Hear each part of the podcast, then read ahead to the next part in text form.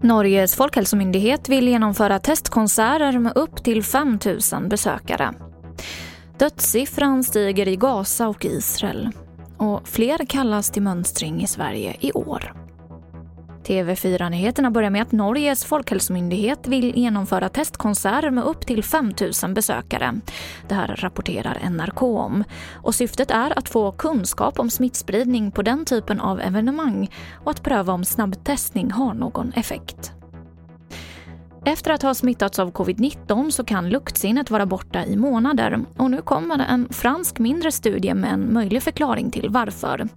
Viruset kan finnas kvar längst in i näsans celler och detta trots att man testar negativt på PCR-test.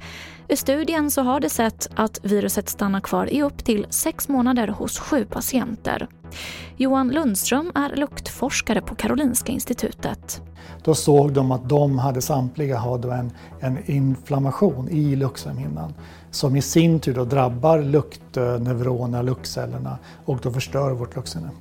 Det här kan vara en orsak till varför luktproblemet dröjer sig kvar lång tid efter man är frisk från covid-19. Dödssiffran stiger både i Gaza och Israel när oroligheterna med raketskjutningar fortsätter.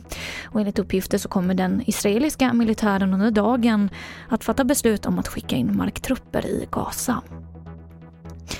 1000 fler personer kallas till att mönstra inför värnplikten i år. Det här rapporterar P4 Uppland. Enligt Plikt och prövningsverket så får cirka 100 000 personer årligen svara på en enkät som skickas ut. Av dem väljs omkring 16 000 ut som kallas in. Och det var det senaste från TV4 Nyheterna. Jag heter Emily Olsson.